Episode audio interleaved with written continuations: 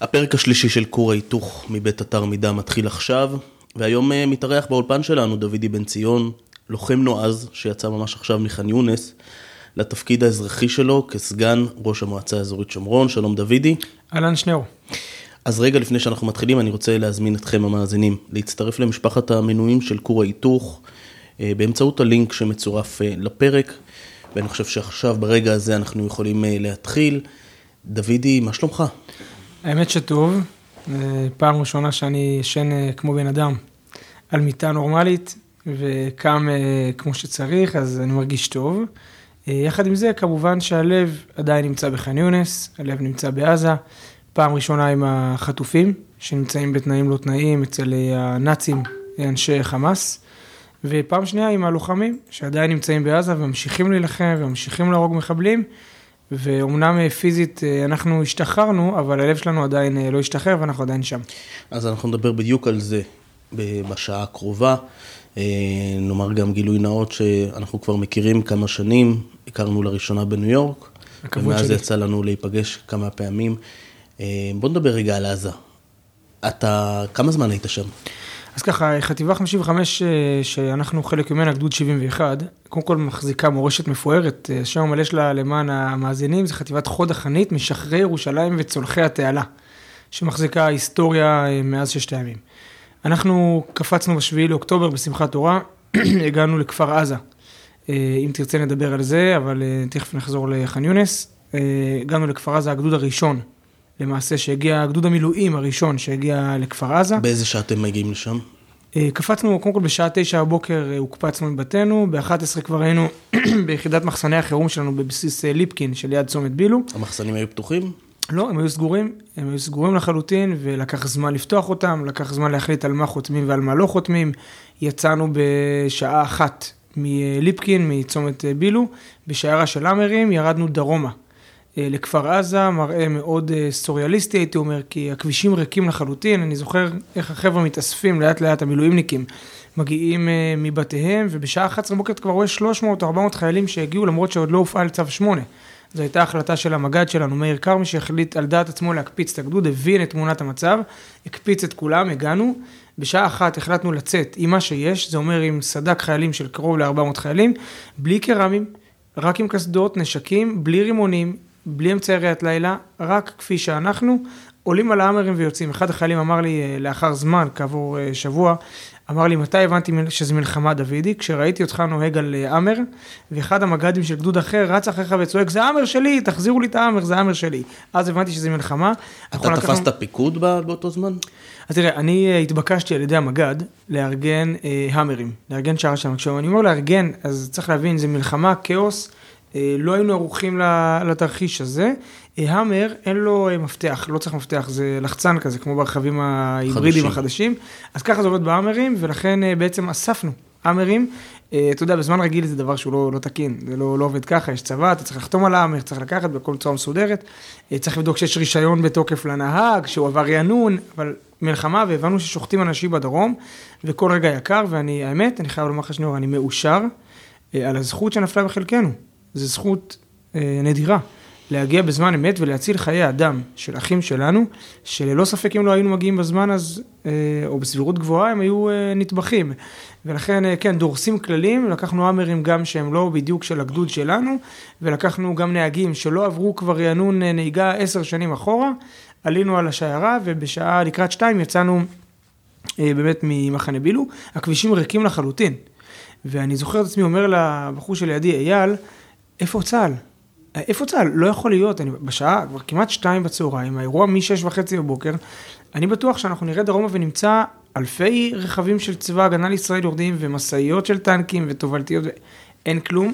אה, וזה די זעזע אותי לחשוב שצה"ל הגדול בונה עלינו, אנחנו מילואימניקים, אומנם צנחנים והכול, אבל אחי, לא, לא לוחמי עילית, לא איזה יחידת קומנדו מתקדמת, אני ו... חושב שזה... זה הפתיע אותי מאוד. כן, זו אחת השאלות הכי מרכזיות והכי אקוטיות, שאנחנו נצטרך לדבר על זה בכל התקופה הקרובה של אחרי המלחמה, להבין מה קרה באותו יום. אה, ומה היה בהיערכות, אבל בואו בוא נבין רגע את האירוע שלך. אתה מתקדם לכיוון כפר עזה. נכון, ומה... אז אנחנו יורדים דרומה. צומת בילו, אה, אנקדוטה שאני רוצה לשתף אותך שנייה, צומת בילו אה, עוצר אותנו אנחנו עומדים ברמזור, כמו ילדים טובים. תחשוב, חמישה האמרים צבאיים בבלק שלי, עומדים ברמזור בצומת אה, בילו גדרה, אה, קריית עקרון, לכיוון דרום. מגיע אלינו יהודי גלוי ראש עם שקית של עיתון הארץ. בתוך השקית של עיתון הארץ, עשרה כריכים שהוא הכין. עם, אתה יודע, לחם כזה של, סלח לי רגע על הביטוי הנרטיבי של שמאלנים, הכוונה של הביוקר, לחם מחמצת כזה יפה, עם פסטרמות, וסגור כזה בתוך ניילון של עיתון הארץ, זורק לנו ואומר, אתם תצטרכו את זה.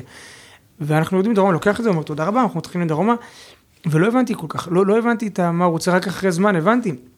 מלחמה, בן אדם יושב בבית, אבל תראה מה זה עם ישראל.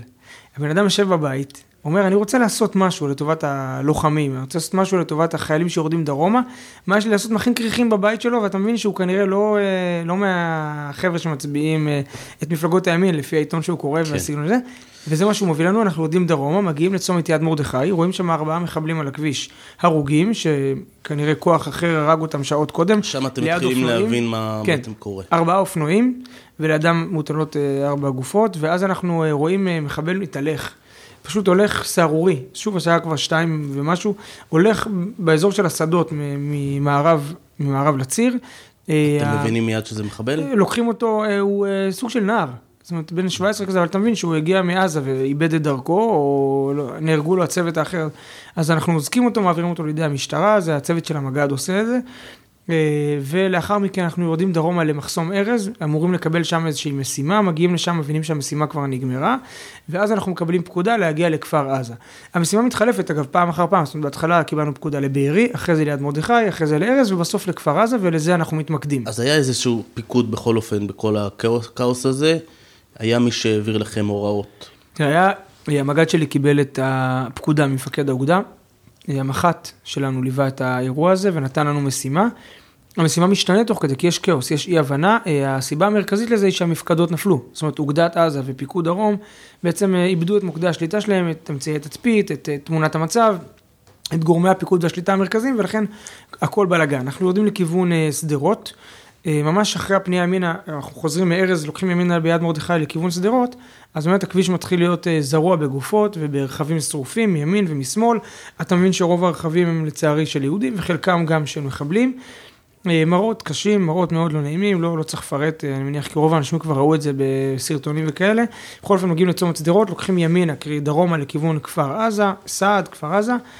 אה, הכביש עכשיו ממש נהיה כמו אה, סוג של אה, תוהו ובוהו, ממש סוג של גוג ומגוג כזה, היום האחרון, זאת אומרת, זה דבר סוריאליסטי לחלוטין, הזוי ברמות שקשה לתאר, אתה אומר, שתיים וחצי, שלוש בצהריים, והגופות מוטלות, אתה רואה גופות בתוך הרכבים, של גופות של ילדים, של נשים, של מבוגרים, אתה רואה רכבים עולים באש ואתה לא מבין, איך יכול להיות סיטואציה כזאת במדינת ישראל?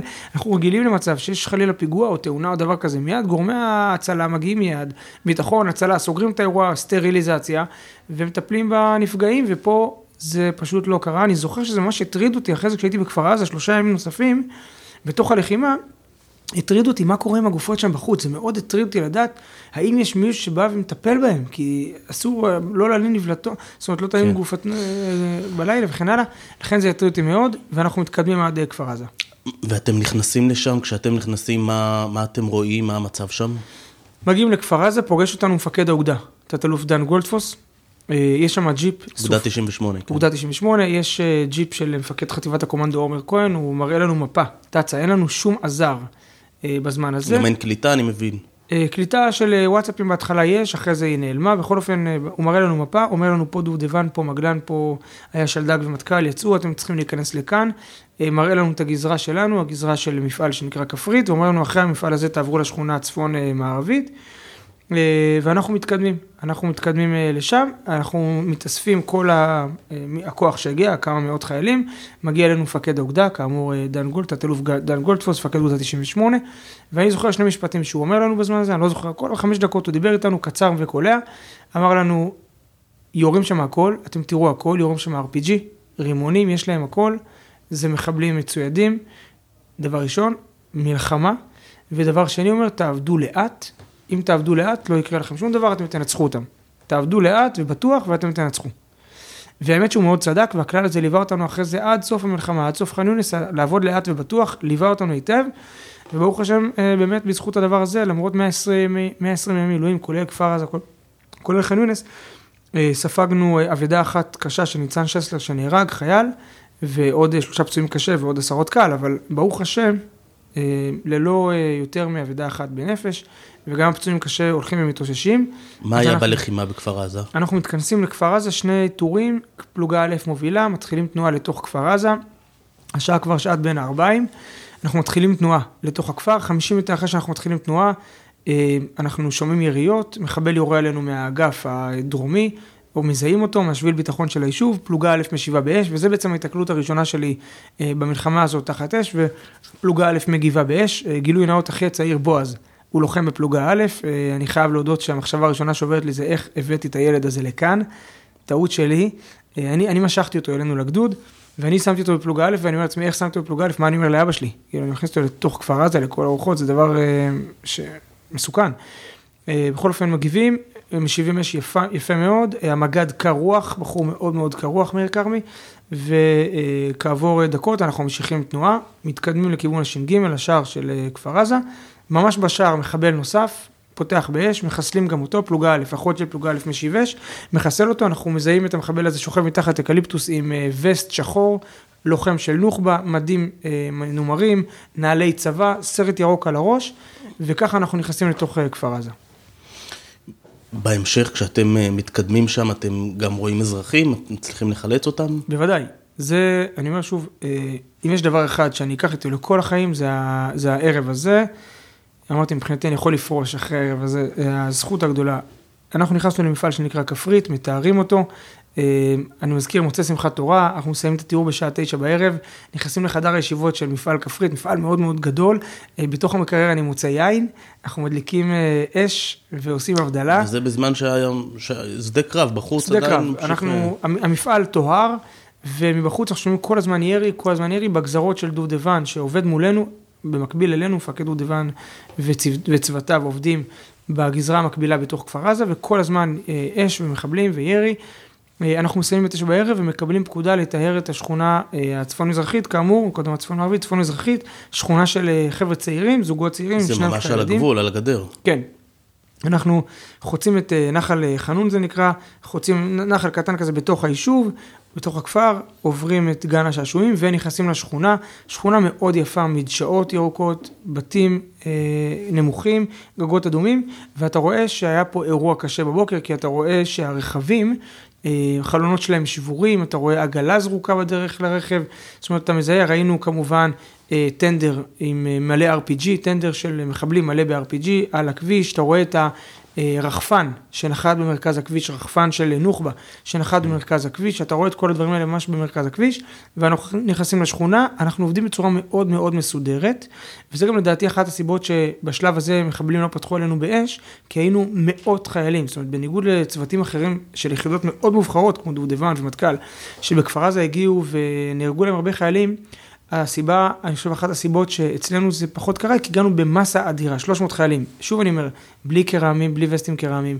בלי רימונים, רק עם נשקים, תחמושת שלנו, אבל המון המון חיילים ועובדים בצורה מסודרת של חיפוי, צעד מתקדם וכובשים. עברנו בית בית, טהרנו שכונה שלמה, כאשר הבית הראשון שנכנסנו אליו, אה, אנחנו דופקים על הדלת, אף אחד לא פותח, חושך בפנים, דופקים על הדלת של העמד, אף אחד לא פותח, וכעבור חמש דקות שאנחנו דופקים, אז המשפחה מבפנים שואלת מי שם. תחשוב, כמעט עשר בלילה הם בפחד איום ונורא שיש מחבלים שהולכים להיכנס להם לבית. כן. הם משש וחצי בבוקר בתוך הממ"ד. אנחנו אומרים להם צה"ל, הם אומרים מי זה צה"ל, איזה יחידה? אנחנו אומרים להם צנחנים. ואז הם אומרים לחייל שנמצא שם, בחור בשם עופרים, אומרים לו, מי נשיא המדינה? אז הוא אומר להם, לכל הרוחות אני קיבוצניק, אני לא יודע את השאלות האלה. ואז הם פותחים את הדלת, ואנחנו מוצאים משפחה, האבא אבישי, האמא שני ושני ילדים, ילד בן שמונה וילד בן עשרה חודשים, ואני רואה את העיניים של ילד בן שמונה ומאוד מתרגש, כי יש לי ילדים בדיוק באותם גילאים, ואז הוצאנו את המשפחה הראשונה, וככה 15, 15 משפחות למשך אה, שלוש שעות הבאות, עד אחת בלילה. באחת בלילה סיימנו את החילוץ של המשפחות הללו. זאת אומרת, אתם הכוח הראשון שמגיע כן, אנחנו צה"ל מבחינתם, אנחנו הכוח הראשון של מדינת ישראל שדפק להם בדלת. כבר בעשר בלילה. כן, בעשר בלילה. אה, אנחנו אומרים להם, כמובן, תכתבו בקבוצת וואטסאפ השכונתית שצה"ל פה, אנחנו אומרים להם, צאו רגע לממ"ד, תיקחו איתכם שתייה, רגע לכו לשירותים וכנסו חזרה לממ"ד כי יש מחבלים באזור, אנחנו לא יכולים להוציא אתכם החוצה עדיין, תחזרו חזרה לממ"ד. אבל עכשיו אנחנו כאן סביבכם, מאבטחים אתכם. בשעה אחת בלילה אנחנו מגבשים את כל השכונה הזאת, 15 משפחות, קרוב ל-50 אה, איש, מוציאים אותם החוצה, ובשיירה שפלוגה אה, מובילה, פלוגה עוטפת, ומוציאים אותם החוצה באחת בלילה לתחנת אה, דלק בכניסה לכפר עזה, משם באוטובוסים, ומוציאים אותם למרכז הארץ. בהמשך, בימים של אחרי, אתה, אתה נשארת עוד באזור? בוודאי. אנחנו שלושה ימים נמצאים בכפר עזה עד שלישי בלילה. במהלך השלושה ימים האלה אנחנו נתקלים בעשרות מחבלים שמגיעים מכיוון עזה. אנחנו שעדיין מחסלים, מגיעים? כן, בלילה הראשון התקלות, לפנות בוקר התקלות. הסיבה שגם היה לנו לחץ להוציא את התושבים, זה כי קיבלנו מידע מודיעיני שיש uh, עשרות מחבלים שמתכוונים להגיע במהלך הלילה מעזה לכפר עזה, גל שני. זה לא פורסם הדבר הזה. כן, מגיעים, גל שני, מגיע גל שני, אחרי זה בלילה שבין ראשון לשני גל שלישי מגיע. מגיעים עשרות מחבלים, uh, הדיווח המודיעיני הוא על בין 40 ל-50 מחבלים. ואין מי שבולם אותם? אין, אני מזכיר שהגדר פרוצה לחלוטין. כן, אבל לא... אין גדר. לא הביאו כוחות לא, שינסו לבלום אותם? לא, אני מזכיר לך שצה"ל באותו זמן מדמם. צה"ל באותו זמן מנסה לחלץ... אנחנו מדברים אבל כבר על, על יממה ו... כן, אבל אני מזכיר לך, קרבות בבארי, קרבות בכפר עזה, קרבות ביישובים נוספים בעוטף, קרבות בשדרות. כן. אני מזכיר לך, נכון. תחנת משטרה בשדרות, הרחובות בשדרות. מדינת ישראל עסוקה קודם כל בלנקות את מה שקורה בתוך מדינת ישראל, הגדר פרוצה לחלוטין. אז אתם בעצם אמורים לבלום ושולח... אותם בגדר? נכון, בגדר של היישוב. יישוב, כן. יש גדר, קילומטר מאיתנו גדר פרוצה לחלוטין של אה, עזה, וחיל האוויר מנסה בזיק, במסקרים, מנסה לבלום, ואנחנו על הגדר, על הגדר של כפר עזה, בולמים את הגלים הבאים שמגיעים. אמרתי, גל ראשון בלילה הראשון, אחרי זה במהלך היום התקלות נוספת על הגדר, ובלילה שבין הראשון לשני, ההתקלות המשמעותית ביותר עם 15 מחבלים על הגדר עצמה. שבאו מעזה. כן, ושוב אני אומר, גדוד 71 מתייצב על הגדר עם שלוש פלוגות, עם נגב, אנחנו כבר מתוספקים בזמן הזה עם עוד אמצעי לחימה, ואני לא אשכח את הרגע הזה לפנות בוקר, אנחנו דרוכים מאוד, באזור אחת, אחת וחצי בלילה, אה, מזהה אה, לוחם אה, תנועה של שבעה מחבלים, הוא צועק מחבלים, ובבת אחת כל הגדוד פותח באש, טה-טה-טה-טה-טה-טה-טה מכל כיוון, כמו קונצרט כזה של המון המון אה, קנים בבת אחת שיורים. אה, קטע מצחיק שאנחנו בהתחלה חושבים שהם משיבים אש, ואנחנו עוד יותר יורים, והם משיבים אש, ואנחנו עוד יותר יורים, ובסוף מסתבר שהם לא ירו בכלל, כלומר הם לא השיבו אש, אלא זה הגדר, כי זה, אנחנו יורים בעצם, הם כן. מאחורי הגדר. אז אנחנו יורים עליהם דרך הגדר, שהנתזים חוזרים אלינו. וככה אנחנו ממשיכים. ובזמן הזה עוד יש מחבלים מאחורה. יש מחבלים גם בתוך היישוב, ודאי, בתוך קיבוץ כפר עזה יש מחבלים, ואני מזכיר שדובדבן עובדים, ודובדבן, שהם לוחמים אמיצים מאוד ומוכשרים ביותר, אה, עובדים בשיטה שונה מאיתנו, הם עובדים, הם צוותים, הם עובדים, אה, צוות נכנס, אה, מגיע לנקודה שבה יש מחבלים, מנהל איתם קרב, יוצא. זאת אומרת, הם לא מטהרים בצורה של מסרק. בצורה שיטתית בית בית, והם גם באים עם רכבים מוגני ירי, בניגוד אלינו, הם באו עם אה, ג'יפים, עם דוד, רכב מוגן ירי, הם נכנסים מוגן ירי, יוצאים, הם באים עם קרמים, זאת אומרת, הם הרבה יותר מצוידים בהקשר הזה.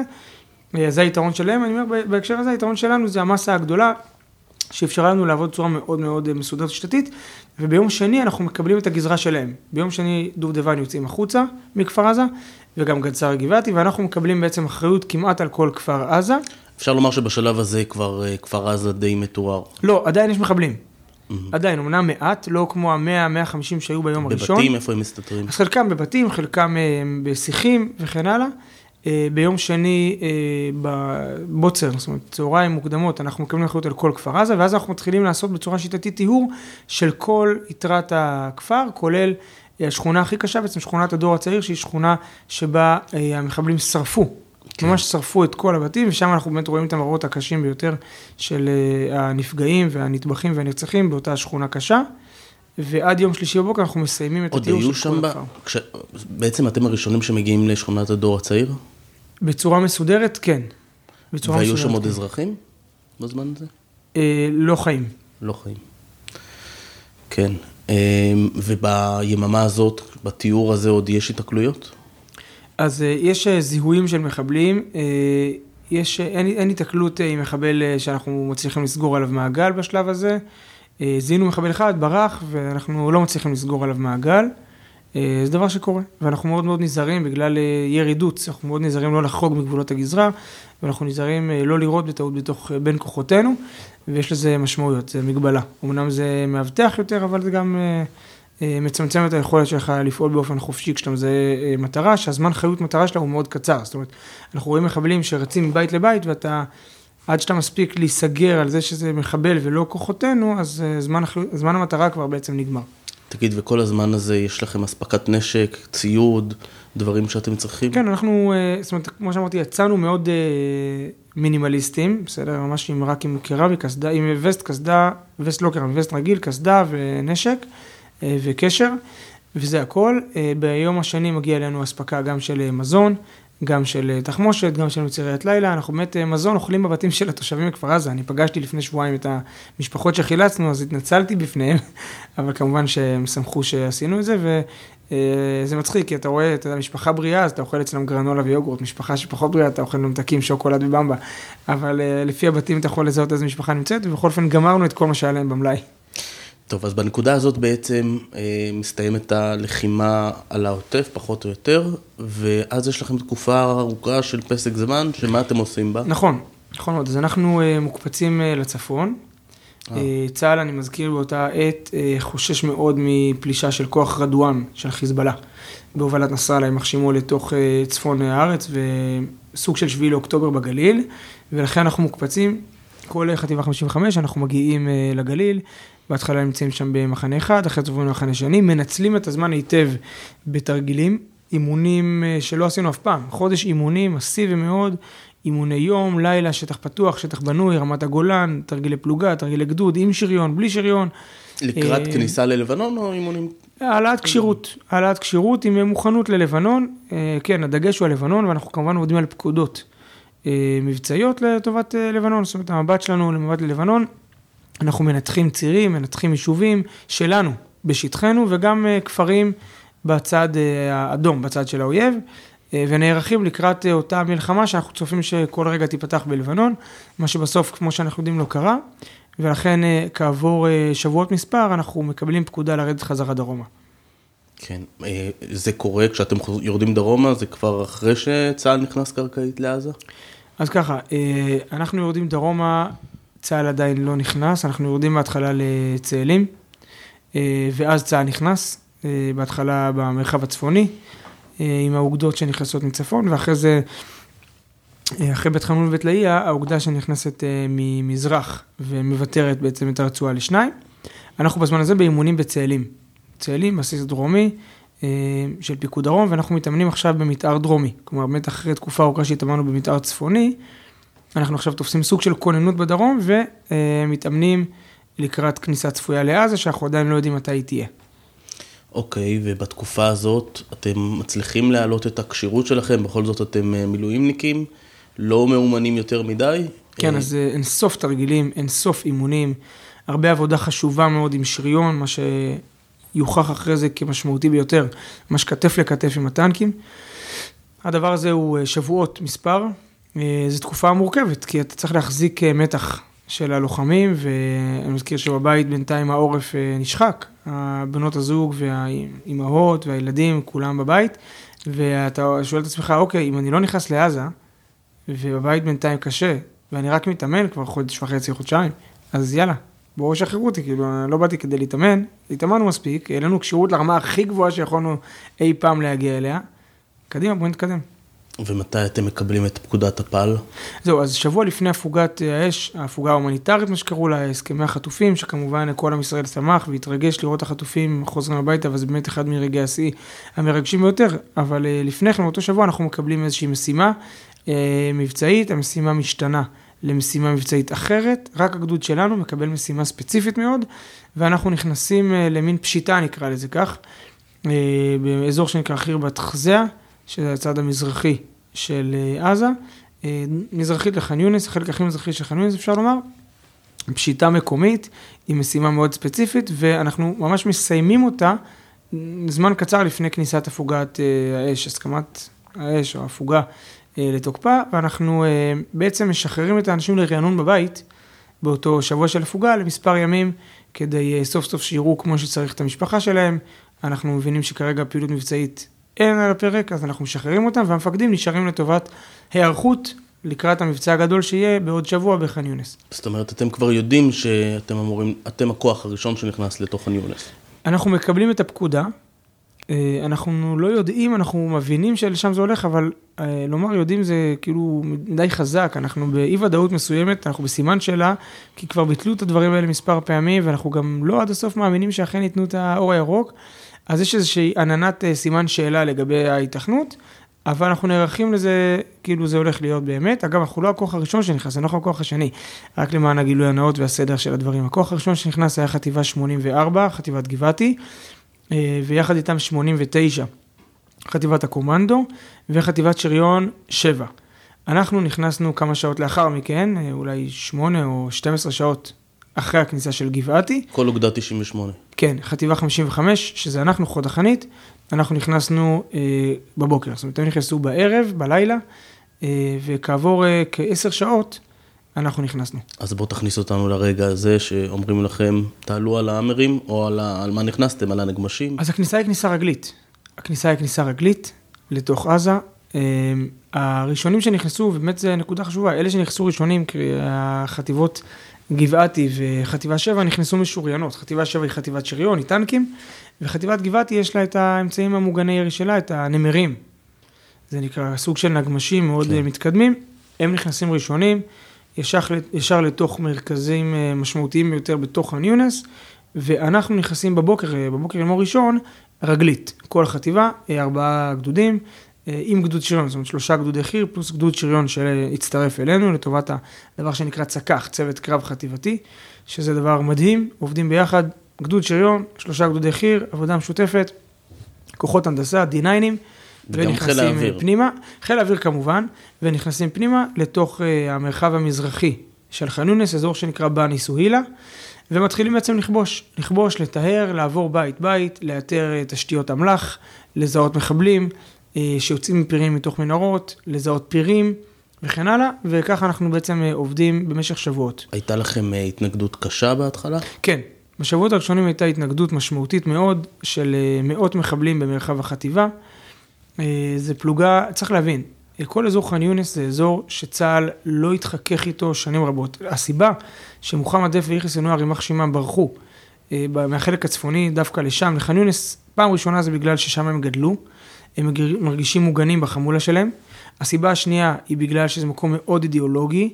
אמנם עזה כולה קיצונית וכולה חמאס, אבל יש אה, רמות שונות של טמפרטורה אידיאולוגית נקרא לזה, אז ח'אן יונס זה המרכז האידיאולוגי. הגרעין הקשה. הגרעין הקשה, ושלישית, כי צה"ל לא נלחם בח'אן יונס בעצם אף פעם באופן משמעותי, כל צה"ל חיכה לראות איך 98, איך אוגדת 98 שלנו, תצליח להתמודד עם האתגר הזה שנקרא ח'אן יונס, כי צה"ל אף פעם לא נלחם שם. גם בעופרת סוכה וצוק איתן, שהיו פשיטות למרחב של ח'אן יונס, זה היה דברים נקודתיים קטנים ולא באופן משמעותי עם חטיבת ח'אן יונס.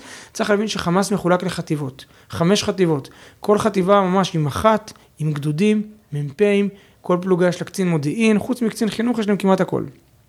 קצין אש וכן הלאה.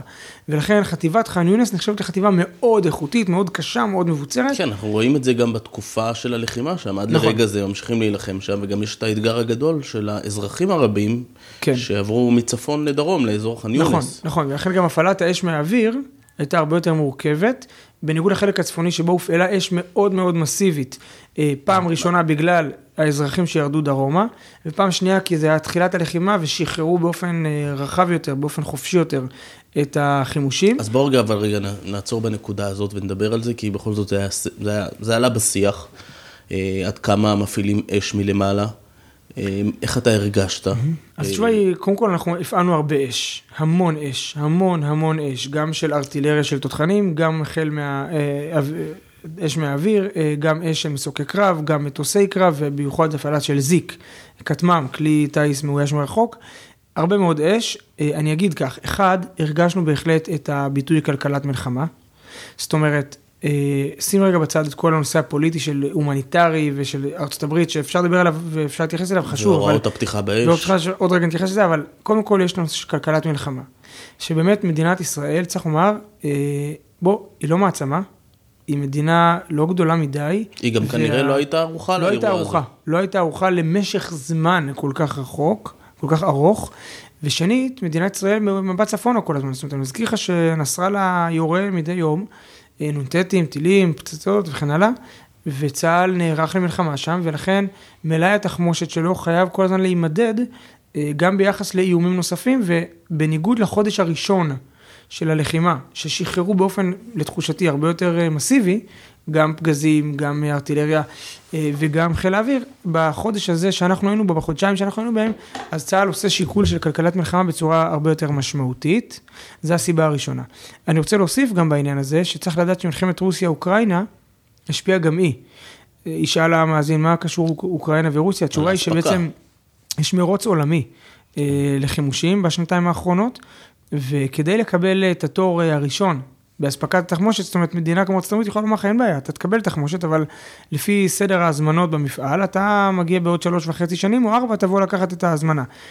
כדי לעלות לראש סדר העדיפות, אז אה, צריכה פה, אה, להתער... צריך התערבות של ממשל, ממשל אמריקאי, ולכן אני אומר רק, למרות שאני באופן אישי, המילה ממשל אמריקאי וארצות הברית והתייחסות לנושאים הומניטריים יכולה לייצר אנטיגוניזם ללוחם בשטח וויברציות שליליות, אתה אומר, בוא, אני נלחם פה בשטח, מה אכפת לי עכשיו ההומניטרי של ארצות? אני גם יכול להבין בהחלט את הצורך להתחשב בממשל האמריקאי, כי בסוף אתה אומר, אחי, אה, עם כל הכבוד והערכה לנו, הם יושבים על השיבר פיזית, לא תקציבי, אלא פיזית, כן, של תזרים התחמושת. הרגשתם לפעמים שהעובדה שיש כלכלת חימושים ושנזהרים יותר ושכל הדברים האלה, זה מסכן את הכוח שלכם? לא, אז אחד זה כלכלת חימוש, זה נושא מבצעי. זאת אומרת, זה נושא שהוא לא נושא שמושפע מאירוע הומניטרי, אלא הוא נושא מבצעי לחלוטין.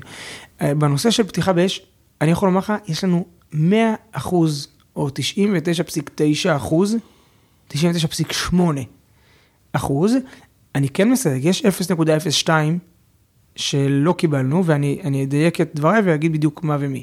אבל בואו רגע, בואו נדבר שנייה אחת רגע על הצד החופשי, על הצד הטוב. קודם כל, הלוחם בקצה, 100% גמישות.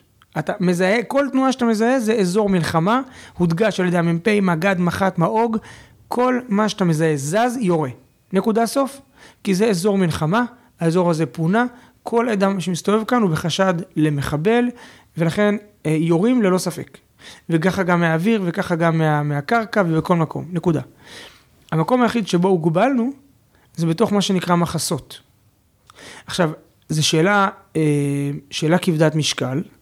שאני מבין את ה trade-off. ניצל את זה. ניצל את זה חד משמעית באופן מוחלט כן. לחלוטין, בלי דיון בכלל. בית ספר של אונר"א, שאנחנו יודעים לומר שאונר"א זה ארגון טרור, אונר"א זה לא ארגון סיוע לפליטים, זה ארגון סיוע לחמאס.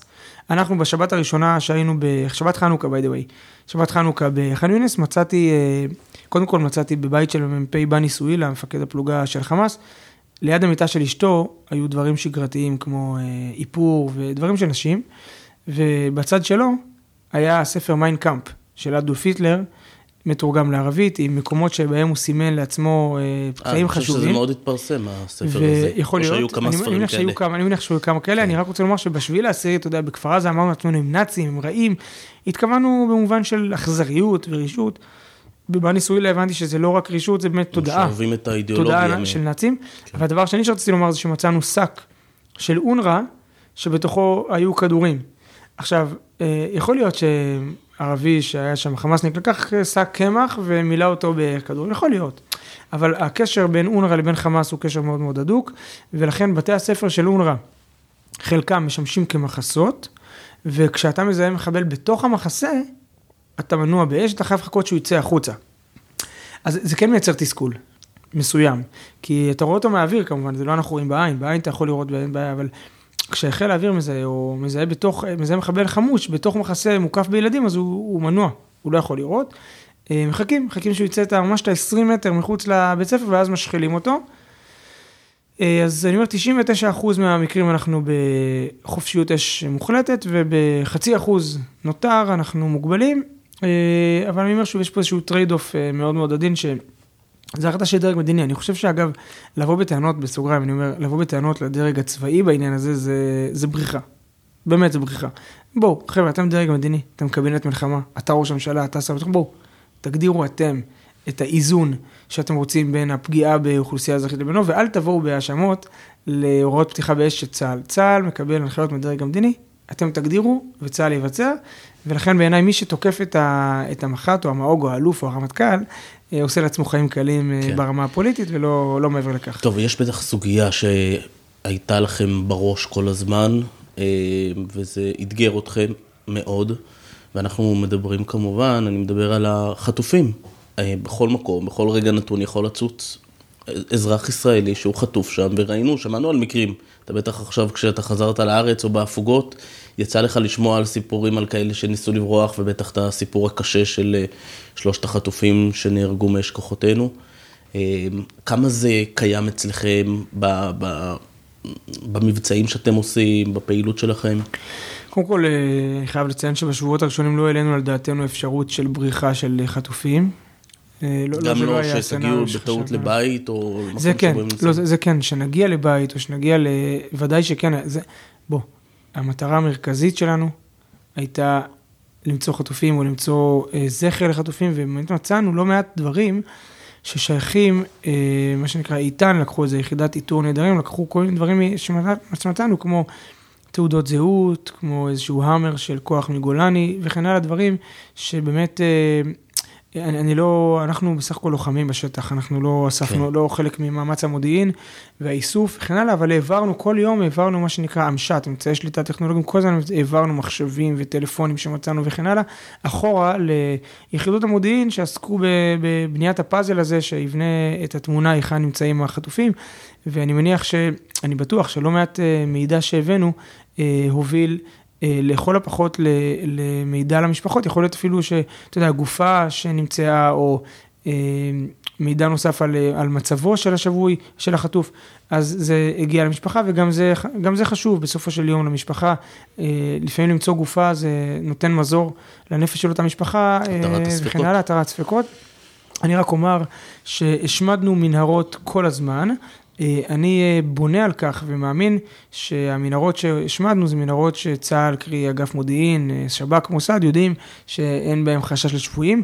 היו אתרים ספציפיים מאוד, שבהם היה מה שנקרא חשש לשון, וזה באמת היה אזור סגור, כלומר היה אזור סגור במפה. שאתם לא נוגעים בו? באמצעים שבו לא נוגעים, מתוך חשש שמא יש שם שבויים ונעדרים שלנו. ולכן... אז לא פועלים בו בכלל? שלא לא פועלים בו, הכוונה לא משמידים אותו. הכוונה, אם מזהים מחבל למעלה, בוודאי שיורים, בלי ספק. אבל הכוונה, לא, לא נכנסים, לא שורפים, לא, לא, לא, מש, לא מכניסים פצצות פנימה, אה, לא משמידים אותו, כי מהחשש. אה, זה הלך והצטמצם עם הזמן. זאת אומרת, האתרים האלה הלכו והצטמצמו עם הזמן, זה היה יותר לפני שנכנסנו, ככל שנכנסנו לעומק, אז uh, הלך ונעלם המקומות הללו. מה הכוונה, בדקו אותם וסרקו אותם? המקומות האלה נסרקו, וברגע שנשללו הממצאים, אז כן, אז אה, יכולנו להשמיד את המנהרה ולשרוף את כל מה שהיה בתוכה. תגיד, ואיך אתם מתמודדים עם הזמן הארוך שהייתם שם? בכל אופן, אה, לא הייתם שם לא יום ולא יומיים, תקופה ארוכה מאוד. כולכם מילואימניקים, אה, אני מאמין שהרוב גם הורים לילדים, הם לא פשוט.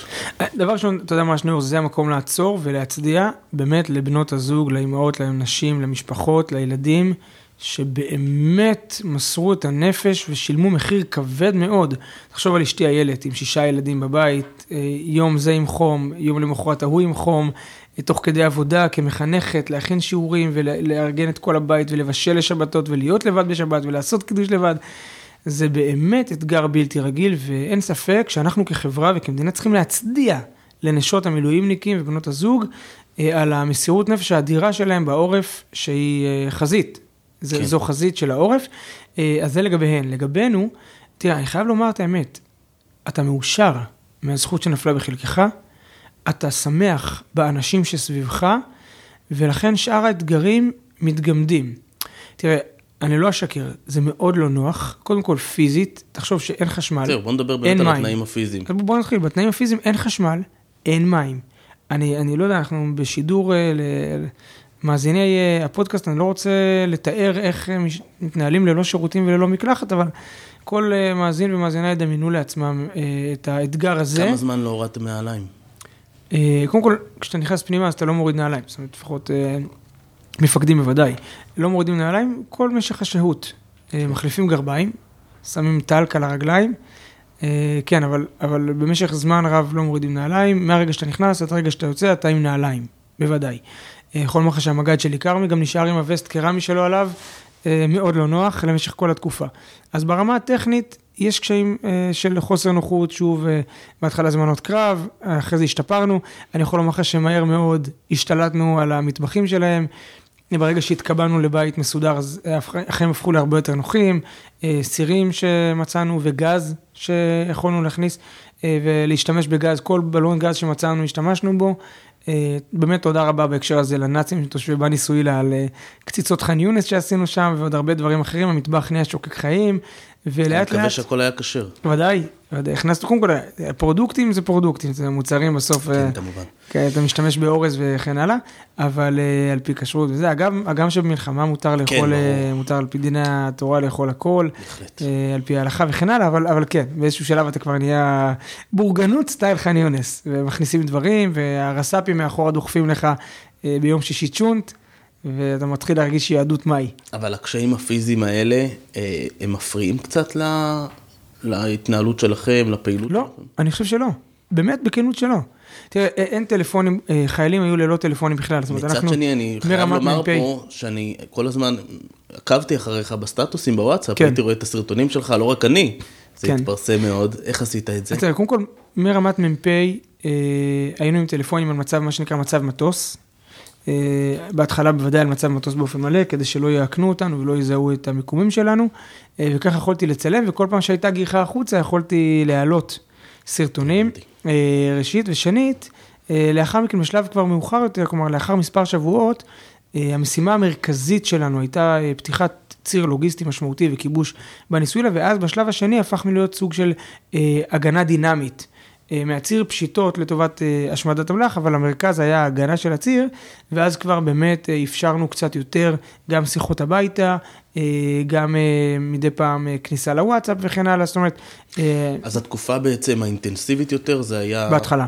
בהתחלה. מהרביעי לדצמבר למשך שלושה שבועות הראשונים. והיה לכם הרבה התקלויות כל יום, פשיטות. נכון, שבה הגדוד בעצם ביצע ממש בכל יום פשיטה עם איתור אמל"ח, השמדת אויב, איתור מנהרות כאמור, אמצעים נוספים שאני באמת, אני חושב שעדיין מבחינת ביטחון מידע אסור לדבר עליהם, זו האמת, אנחנו עדיין בזמן מלחמה. ואנחנו לא רוצים לעזור לאויב שלנו, להפך, אנחנו רוצים להשמיד אותו, ולכן אני לא, לא אשתף בשלב הזה איך ומה עשינו, אבל השמדת הרבה מאוד אויב והרבה תשתיות אויב, וזה דבר שחשוב אגב שעם ישראל ידע את זה, זאת אומרת מי שמאזין לנו צריך לדעת, שצה"ל מנצח בשטח, זהו, ממש כי יש באמת איזה פער, טוב, אנחנו עוד מעט נדבר על הפערים הגדולים בין החזית לעורף, אבל אחד הדברים הבולטים זה שבאמת בחזית יש תחושה כל הזמן של התקדמות, אני חושב.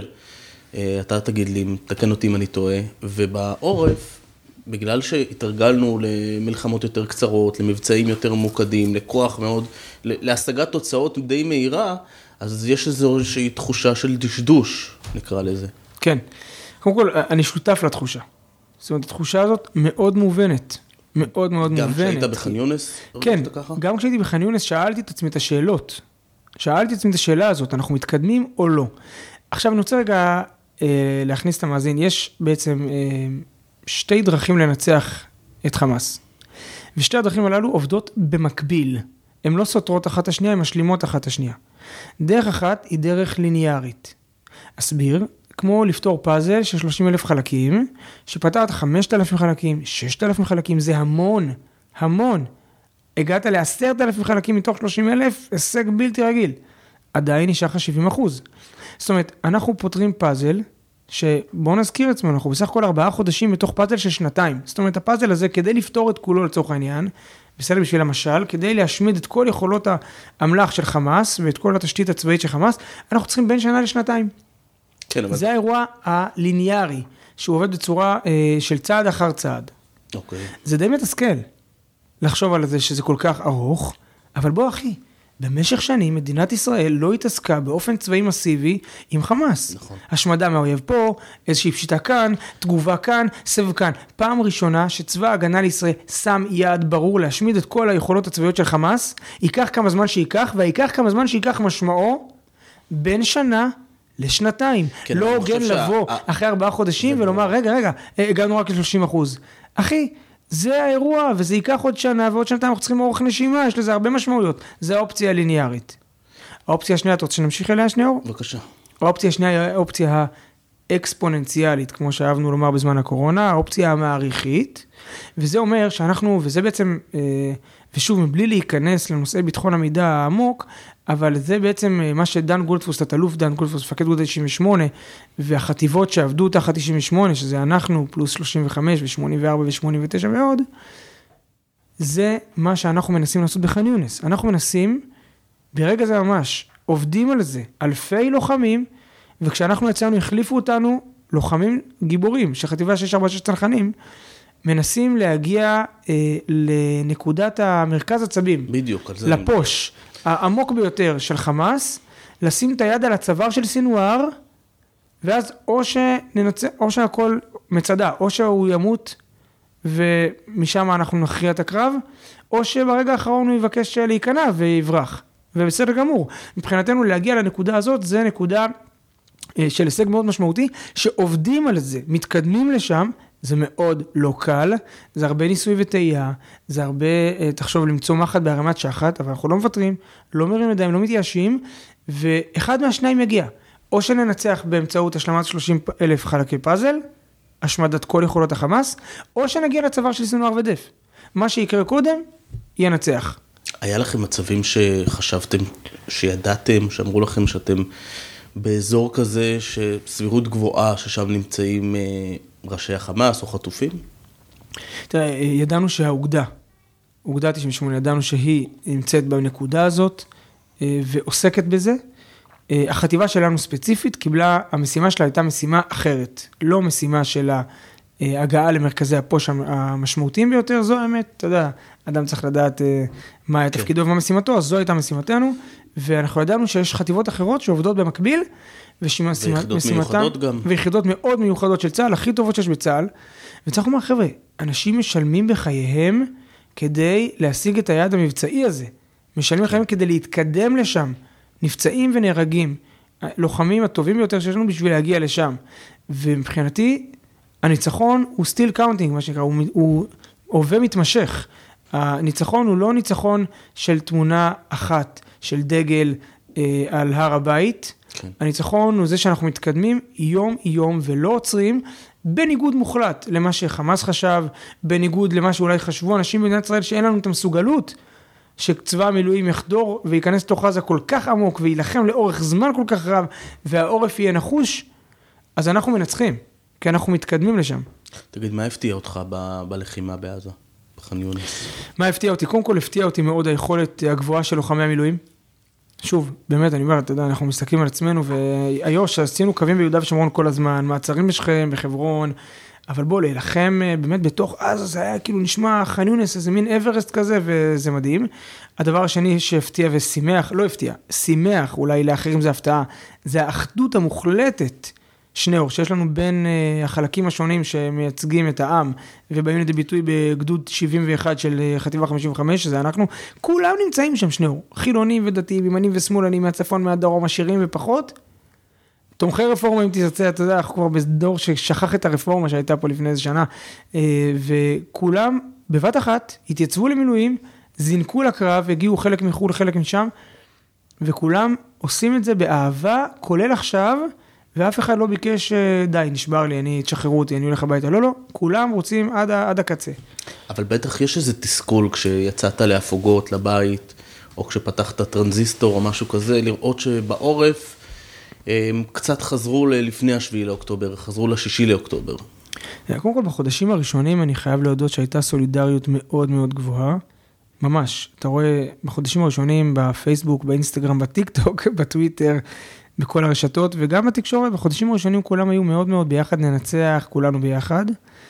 אה, עם הזמן, אה, אכן זה מעט נמוג, אה, זה מייצר תסכול, אתה צודק, זה מייצר צער, יותר לא רק תסכול, זה גם צער וכאב, כי באמת, מה שנקרא, כוחנו באחדותנו זה לא סיסמה באירוע הזה. האויב מחכה שנתפורר מבפנים, האויב רוצה שאנחנו נתחיל את המלחמות האחים שלנו בפנים, וזה יקל עליו חלילה לפגוע בנו בחזית. אני מאמין שלא ניתן לו, אני מאמין שהעם יתבגר, ושהעם חזק יותר. אני חושב שזה באמת, התקשורת והפוליטיקה בנויים על קיטוביות בשנים האחרונות, בנויים על זה שהם מייצרים את הרייטינג שלהם או את ה base שלהם ואת הלייקים שלהם בזכות אמירות של קיטוב, והאחריות היא עלינו, אני מקווה שעשרות אלפי חיילי המילואים שחזרו עכשיו מהחזית ומגיעים הביתה, גם ברשתות, גם ברחוב, גם במקומות העבודה, ייצרו שיח אחר, ייצרו שיח אה, מאחד. אגב, מאחד זה לא אומר אחיד, כלומר, מותר לך לחשוב אחרת, מותר לך שתהיה לך דעה אחרת בנושא עסקאות חטופים, מותר לך שתהיה עמדה אחרת בעסקאות אה, בנושא יהודה ושומרון, מותר. עמדות שונות זה לגיטימי, זה חלק מהדמוקרטיה הישראלית. לחשוב אחרת זה דבר חשוב ומבורך, אבל השיח... אתה רוצה להגיד רגע מה אתה חושב באמת על עסקת חטופים? אז תראה, קודם כל אני חייב לציין שיש לי חברים מאוד מאוד טובים, אלי ושירה אלבג, שאני אוהב אותם אהבת נפש והם כמו דודים שלי, שבתם לירי נחטפה בשביעי לעשירי, הייתה לוחמת בתצפיתנית בנחל עוז, והלב שלי איתם, ואני מייחל ומאחל אה, לרגע שבו היא תשוב הביתה בריאה ושלמה בגופה ובנפשה. אה, אני, אין, אין יכולת בכלל לדמיין את הכאב ואת התסכול שמשפחה שהבן שלה או הבת שלה נחטפו בשביל העשירי אה, חווים. אני לא יכול להבין איך הם יכולים לישון בלילה. אה, אני חושב שאחד הדברים שהחזיקו אותי, שניאור, ברגעים קשים באירוע הזה שנקרא מלחמת חרבות ברזל, בין אם בתוך הניונס, בין אם מחוצה לה, אחד הדברים, אבל בעיקר מתוך, בתוך הניונס, בנסיעה הזאת, בהאמר החשוך בלילה לתוך עזה, שאתה אומר לעצמך, אחי, אני אבא לשישה ילדים, מה אני עושה פה, כאילו, רגע אחד. אז... אלה הרגעים הקשים? הנסיעה בלילה, אני חושב, תראה, אה, יש כל הזמן פצצות. ש... כל הזמן אתה שומע פצצות, חלק מהצד שלך, חלק מהצד שלהם. היום רק מהצד שלנו אגב, היום כבר אין פצצות מהצד שלהם. לשמחתי היכולות שלהם הולכות ומושמדות ברמה מדהימה. אבל בכל אופן, כשאתה שומע את הדבר הזה, אתה הולך באמצע הלילה ונכנס לשם ואתה אומר לעצמך, רגע, מה, מה אני, אני לא חייב לעשות את זה בעצם, אני יכול לעשות דברים אחרים. אה, אז אני חשבתי על לירי, הבת של שירה ואלי, ואמרתי לעצמי, רגע, אם אחותי, יש לי אחות אחת, ושני אחים. שני האחים שלי נלחמו יחד איתי בחטיבה 55. שני האחים שלי, ישי ובועז, שרתו ומשרתים יחד איתי באותה חטיבה. אבל אם אחותי, מיטב, חלילה הייתה נחטפת, מה אני הייתי עושה בשביל זה? הייתי עושה הכל כדי להביא אותה, כולל להיכנס לעזה ולהילחם עד זוב דם, כולל לסכן את חיי, נכון? והייתי מבקש מהחברים הכי טובים שלי, בואו כולכם בוגרי צבא, בואו יחד איתי, אנחנו נכנסים. יש מודיעין, פחות מודיעין, יותר מודיעין, אנחנו נכנסים. אני אביא לכם תשתיות, אני אביא לכם את האמל"ח, בואו ניכנס ביחד. אז זה מה שאנחנו עושים, כי אחות שלנו נחטפה. ואחות זה, זה יכול להיות רומי, זה יכול להיות לירי, זה יכול להיות אח, זה יכול להיות כל אחד, ולכן אנחנו צריכים לעשות הכל כדי להשיב אותם. האם בסוף זה ייגמר בעסקה? כנראה שכן. מה הדרך לעסקה? כנראה שככל שנהיה יותר אגרסיביים בשדה הקרב, ככה הסבירות של העסקה אה, תגדל. אני לא מאמין שנוכל להביא עסקה בלי שנגיע אה, לכדור בראש או כדור קרוב, אקדח צמוד לראשו של סינואר, אני לא מאמין.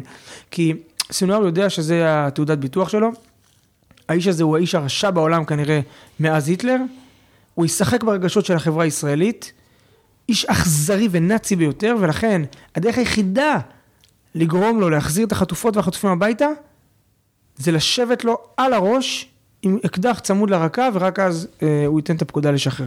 ואם כבר נושאים אקטואליים, אתה, כמו שאמרנו, סגן ראש מועצת שומרון, ומועצת שומרון היא זו שדי מובילה עכשיו את כל השיח ואת הכנס שראינו שבוע שעבר, כנס הניצחון, אני חושב קראו לזה, של החזרה לגוש קטיף. זה בטח גם עלה לך כל הזמן בלחימה בתוך ח'אן יונס. אה, מה אתה חושב על הכנס הזה ובכלל על העניין של החזרה לגוש קטיף? קודם כל, אה, מי שמוביל את זה זה באמת ראש המועצה יוסי דגן. אה, שהוא אה, מאז 2005 אה, בעצם נשבע לעולם לא עוד על הגירוש, הוא מגורש מסנור והוא נלחם כדי שתשוב ההתיישבות היהודית בצפון השומרון, חומש וסנור, הוא עושה את זה כבר מאז 2005, 2018. מגורש צריך לומר. הוא מגורש סנור והוא עושה את זה כבר 18-19 שנה, הוא עושה גם פעולות אקטיביות בשטח של התיישבות וגם בעניין כוח פוליטי ותקשורתי כדי לאפשר את המעטפת שתוביל לחזרה לצפון השומרון. לגבי גוש קטיף, אני אגיד כך, ראשית, אני 120 יום לובש מדים. ונמנעתי ועדיין נמנע מלהתייחס אה, באופן ישיר לסוגיות שהן סוגיות פוליטיות, אה, מהסיבה שבצה"ל, כלומר בצה"ל, הכוונה בשטח, אין פוליטיקה, ולוחם בשטח צריך לדעת שהוא נלחם אה, בשביל אה, מדינת ישראל כולה, ושמדינת ישראל כולה מאחוריו, ולכן צריך לשמור על הקונסנזוס הזה ככל הניתן. אז יכול להיות שזו הייתה טעות? אני לא, אני לא נכנס ל... לא, קודם כל בטח אני לא נכנס לחוות דעת על דברים שאני לא, לא הייתי מעורב בהם ולא שותף להם. כן. כאמירה עקרונית, בוודאי שאנחנו רוצים להתיישב בכל מרחבי ארץ ישראל. כולל כל יהודה ושומרון, כולל גוש קטיף. אתה יודע שאם נסתכל, נשאל את הרב דוב ליאור, שגדלתי במרכב בקריית ארבע, אז זה מצור וצידון ועד אה, שארם א-שייח. זאת אומרת, בסוף השאיפות שלנו צריכות להיות שאיפות אה, מאוד גדולות. איך השאיפות האלה נפגשות עם הפרקטיקה ועם הריאליות של המציאות, זו כבר שאלה אחרת. שאלה שצריך לדון בה ואפשר לדון בה. טוב, אני חושב שדי אה, מיצינו והקפנו את כל הנושאים. אולי בכל זאת אני אשאל אותך שאלה שהיא די בנאלית ואולי הייתה צריכה לבוא בהתחלה, מה השתנה אצלך אחרי ה-7 באוקטובר? Hmm. ואצלך זה עוד יותר מאשר uh, סתם אדם, כי בכל זאת אתה היית שם ברגעים הקשים, גם uh, בכפר עזה וגם בח'אן יונס. מה בכל זאת, uh, איך יצאת מהלחימה הזאת? מה לקחת איתך משם ומה השתנה אצלך? קודם כל טיק טוק. דבר שפיתחתי בחן יונס, למדתי. דבר ראשון, פעם ראשונה, תשמע, זו אפליקציה חזקה באופן בלתי רגיל, ואתה יודע, אנחנו אה, אוהבים אה, לומר שהצינורות אה, הם אותם צינורות, וכל השאלה מה אתה מזרים בהם. אתה יכול להזרים בצינור מים ואתה יכול להזרים דברים אחרים.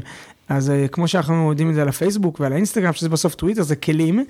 אז למדתי על כלי חדש, טיק טוק, שזה כלי חזק ביותר, וראיתי שכשאני מעלה סרטונים שהם מעוררי רוח, נקרא לזה, והשראה ומוטיבציה ופטריוטיות, אז תשמע, עם ישראל צמא לזה, עם ישראל מקבל את זה. אה, אז זה דבר אחד ברמה הטכנית, אבל זה דבר מהותי מאוד. אה, הדבר השני זה אותו יום בכפר עזה, שראיתי שכולם מגיעים בבת אחת להילחם, והבנתי, ואני חושב שאנחנו צריכים להישבע לעצמנו, שלא נחזור למחוזות הפילוג והשנאה שהיו פה לפני. אפילו לעשות שיח של מי אשם בזה ומי הוביל את זה, זה, זה באמת מיותר. זאת אומרת, אין ספק הרי שהיו גורמים גם בשמאל וגם בימין, שאני בא ממחוזות הימין. אין ספק שהיו גם מהימין וגם מהשמאל גורמים ש... בוא נגיד שהשיח שלהם היה שיח מתסיס. אמרתי מקודם שהשיח הוא לגיטימי והמחלוקת היא חשובה ומותר להביע כל עמדה ולקדם כל פעולה, אבל השיח והסגנון והדרך חייבות להישמר כמו בתוך משפחה. כמו בתוך משפחה, יש גבולות גזרה שנחצו לחלוטין מכל הכיוונים, וזה דבר שאסור לחזור אליו. והדבר השלישי, זה באמת ההבנה שאין לנו על מי לסמוך מלבד על עצמנו, ואנחנו צריכים כל הזמן להיות, אה, לישון עם נעליים. לישון עם נעליים כמטאפורה. כלומר, צריך לדעת שמדינת ישראל, בחרנו שכונה באזור מאוד בעייתי, אנחנו מוקפים פה חיזבאללה בצפון, חמאס בדרום. אה, ערביי ישראל ויהודה ושומרון, אה, כמובן, בלי להכליל את ערביי ישראל, אני לא נכנס לתוך הסוגיות הפוליטיות של אה, איך ערביי ישראל, איך להתייחס אליהם, שזו סוגיה משמעותית, כמובן. ערביי יהודה ושומרון שהם בוודאי. כולם תומכי טרור, זה, אתה יודע, זה אירוע שקל להבין אותו, אבו מאזן הוא מכחיש שואה ותומך טרור שמשלם משכורות למחבלים וכן הלאה. ואם נסתכל במרחב הרחוק יותר, אז יש את סוריה ולבנון ואת החות'ים ואת איראן, ולכן אנחנו בחרנו בשכונה בלתי נסבלת, זו הארץ שלנו, זה הבית שלנו, אנחנו צריכים להגן עליו, אבל לדעת שכנראה אם יש למישהו דמיון, שאנחנו נוכל להיות חברה בורגנית, שכל שאיפותיה יסתכמו אה, בין אם לשבת בבית מדרש וללמוד תורה, ובין אם ללכת לתיאטרון ולראות הצגה מצוינת בבית לסין, או ללכת למשחק כדורגל של מכבי חיפה, בית"ר ירושלים או הפועל תל אביב, או הפועל באר שבע, אני לא יודע. אם מישהו חשב שזה החברה שנוכל להקים ולנהל כאן במדינת ישראל, אז אה, השביעי לעשירי יוכיח שטעות היא בידיו, אנחנו לנצח נהיה עם חרבנו, ואני רק אסיים ואומר, בדבריה של גולדה מאיר, ראשת הממשלה של יום כיפור, גם כשיגור זאב עם כבש, אני אהיה הזאב. רב סרן דודי בן ציון, אני מודה לך מאוד על השיחה הזאת, אה, היה מאוד מעניין, ונקווה שתצליח ככה לחזור לאזרחות אה, בלי יותר מדי בעיות, בקלות. תודה רבה. תודה לך.